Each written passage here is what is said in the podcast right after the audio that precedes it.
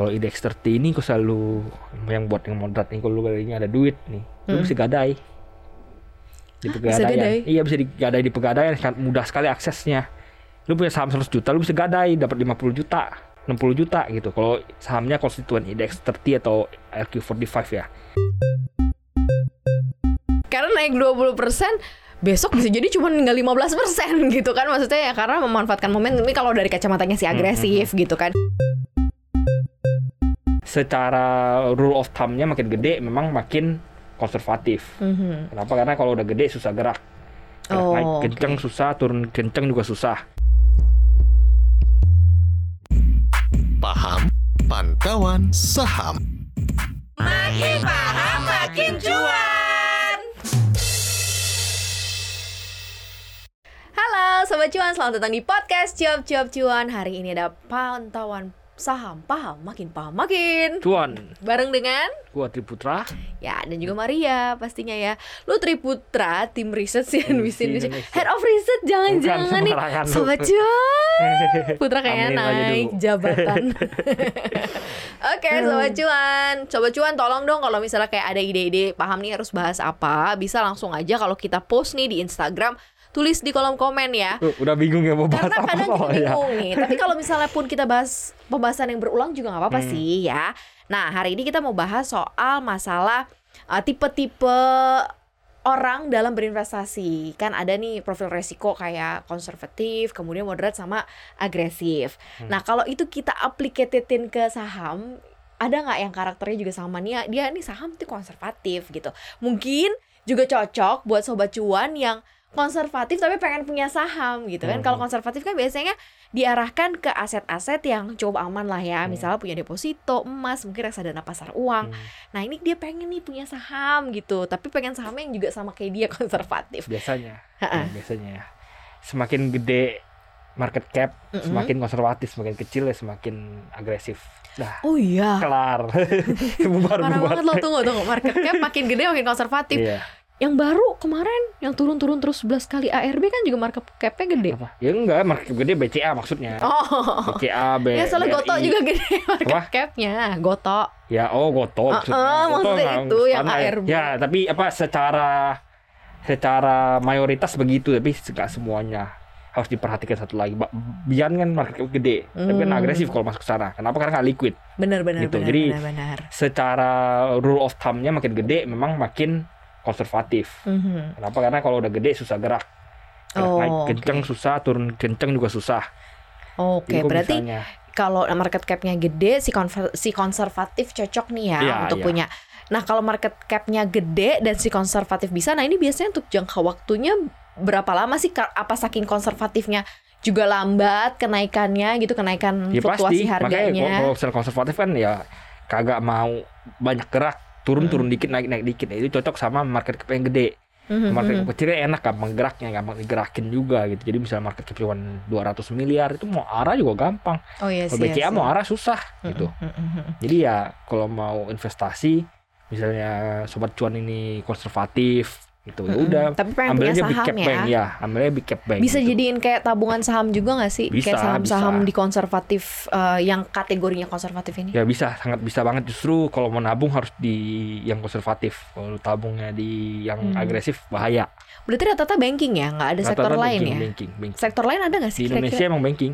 Banking ya, Iya. yang konservatif. Ya, paling melipir dikit ya Telkom, ASI itu juga kurang menarik. Infrastruktur ada Ya, gitu ya. Kurang menarik yang yang yang emang yang lu usah Kur- kurang banking. menarik dalam short term atau memang dalam jangka panjangnya Iya, pun juga lo term, nggak bisa. term lu nggak gitu menarik kalau ngomong ASI, Telkom ya standar-standar aja. Kalau pengen Hmm.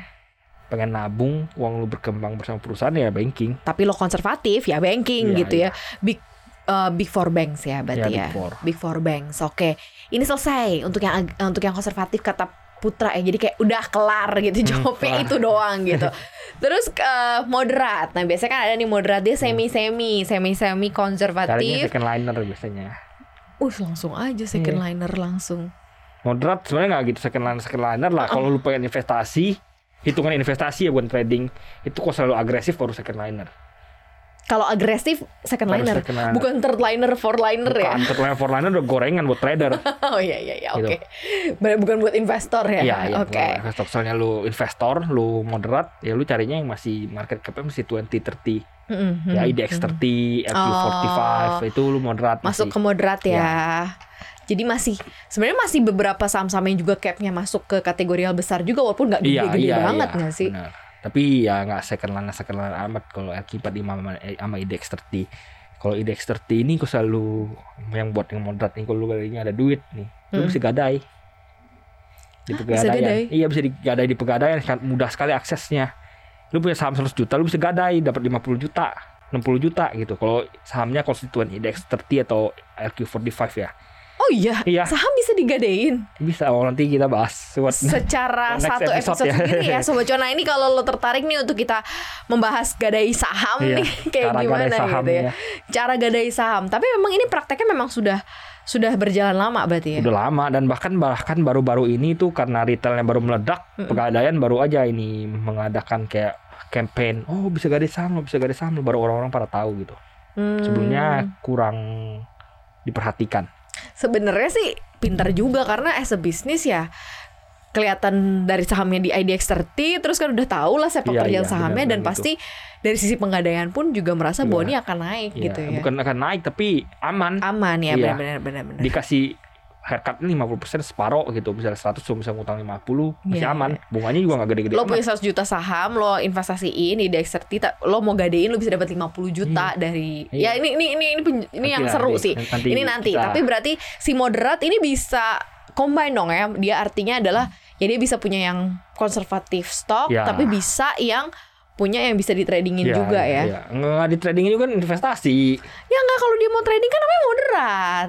Ya Boleh. berarti bukan investasi lagi. Kalau investasi, ya misalnya trading, lu pengen trading, emang Berarti sahamnya Itu ini pun lain. tidak bisa ditradingkan ya. Jadi saham Ya, dengan ini- sifat moderat pun berarti nggak bisa jadi emang lu ya. pengen ini gua nangkapnya tuh lu emang lu pengen investasi. Pemilihannya apa kalau lu moderat gitu. Enggak, gua pertanyaan gua adalah saham yang masuk ke kategori yang moderat.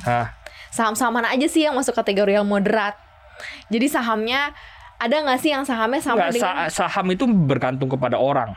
Bergantung kepada orang. Benar, kan kalau orang kan ada profil resikonya nih, Ah, ah. konservatif, moderat, agresif. Hmm. Nah, kalau misalnya saham-saham yang konservatif jelas saham-saham banking gitu kan. Mhm. Mungkin naiknya udah nggak se- seru dulu lagi. Sekarang Hmm. mungkin juga udah pelan-pelan banget. Nah, saham yang moderat ini yang mungkin nih dari Gini, sisi gua itu Hmm. maksud gua tuh saham-saham kayak contohnya saham itu tergantung sama orang misalnya gua Mhm, gua mhm. investor super gede gua Mhm. investor asing gua ngelihat BCA itu bukan saham konservatif gua lihatnya saham yang yang agresif gitu Oke. jadi saham itu Tergantung tergantung dari orangnya tergantung dari lo melihat orangnya. sahamnya. iya jadi yang tadi gua maksud itu kalau misalnya lu orangnya konservatif lu lu orang konservatif lu apa ya misalnya orang investor retail biasa ya lu go to-nya ke big cap banking kalau lu orang yang lu merasa diri lu Mhm. moderat lu ekspektasi cuannya belasan persen setahun Mhm, kalau lu di cap mhm, banking mhm. ekspektasi cuan lu single digit Oke. kalau lu di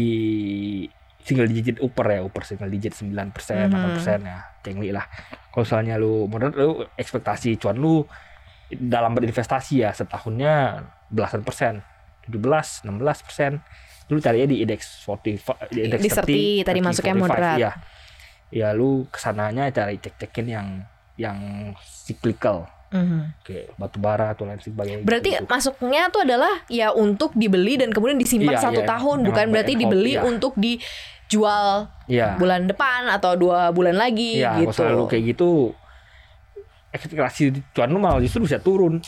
Kalau agresif berarti mungkin dong. Apa? Kalau agresif. Kalau agresif lu cari yang yang an- apa saham-saham yang small cap small cap Mhm, small cap mhm, misalnya under value Mhm. ekspektasi cuan lu puluhan persen ratusan persen gitu mhm. Tapi ya sekali lagi karena ini kecil potensinya nggak dilirik orang. Jadi ketika ada something baru terbang gitu. Misalnya oh ini kecil nih. Apa market kamu kecil tapi harganya murah banget gitu. Tapi Oke. nggak liquid dan kumpulin pelan-pelan. Mhm, sih emang jangka mhm, panjang gitu. Mhm. bukannya lu pengen trading. Tapi emang lu inv- investor tapi lu punya punya Mhm. resiko Tapi kalau si- resiko oke. lebih tinggi. Kalau si agresif ini beli saham yang kategorinya juga menurut dia agresif ya, berarti kan saham orang agresif memilih saham yang pasti Hmm, hmm. menurut dia agresif. Berarti kan bisa easy up, easy down Iya. dong ya. Kalau misalnya dia mau kayak eh, oke ini mindsetnya investasi tapi belum setahun ya udah lumayan gitu kan sebenarnya bisa juga. Nah, nah justru kalau orang yang konservatif sama moderat itu jarang ada yang mau trading. Justru Iya, orang-orang ini kan yang gua agresif, ini, agresif, ya makanya. agresif ini yang pengen trading ya udah misalnya lu pengen trading ya trading tapi misalnya lu pengen investasi ya investasi di saham-saham kecil itu misalnya lu pengen tapi ya sebenarnya yang salah itu tuh lu pengen trading ketika udah naik lu eh, lu pengen investasi udah naik lu jadi trading itu sebenarnya salah jadi emang Hmm. ketika lu masuk lu harus tahu nih lu pengen hold targetnya berapa lu pengen hold jangka panjangnya jangka waktunya berapa lu harus tahu sebenarnya Mhm. jangan lu masuk harganya naik 20% lu pengen jual gatel gitu Mhm. Emang biasanya kan kayak iya itu salah sebenarnya dalam investasi karena naik 20% besok bisa jadi cuma tinggal 15% gitu kan maksudnya ya karena memanfaatkan momen ini kalau dari kacamatanya si agresif gitu kan. Misalnya lu beli 100 ya Mhm. Lu target harga lu karena ini under value target harga lu 500 Mm-mm. terus baru naik 120 udah jual. Besok naik lagi kan nyesek. Jadi emang harus udah tahu masuk itu pengen buat apa? Mhm, trading kah apakah gitu? Oke, jadi ya ini ya, ini sebenarnya mindset dari psikologi investor aja sih, termasuk kayak profil resiko kamu juga akan menentukan. Jadi mau konservatif, mau moderat, mau agresif, sebenarnya kalian juga bisa masuk kok ke saham, bisa lihat saham-saham dengan karakteristik yang mungkin sama dengan kalian. Bagaimana sebenarnya kalian bisa ngelihat saham itu satu karakteristiknya sama lo gitu. Ini kalau kata Putra, karena bisa jadi kalau kayak gue ngelihat buat gua BCA ya 10-20 tahun lagi masih sangat-sangat oke banget Hmm. gitu. Tapi mungkin ada yang bilang ngapain masuk BCA lama gitu misalnya kenaikannya atau mungkin nggak dia bisa beat bisa naik kayak waktu sebelum stock split yang kayak gitu-gitu Hmm. kan ya we never know gitu. Jadi akhirnya kita balikin lagi sih ke sobat cuan untuk bisa pilih saham-saham potensial yang bisa jadi uh, portofolionya sobat cuan ya. Gitu deh Sobat Cuan pokoknya makin seru lah bahasan kita dengan kontribusi Sobat Cuan kasih kita ide-ide untuk bahas apa pastinya ya. Terima kasih banyak untuk selalu dengerin konten podcast Cuap Cuap Cuan.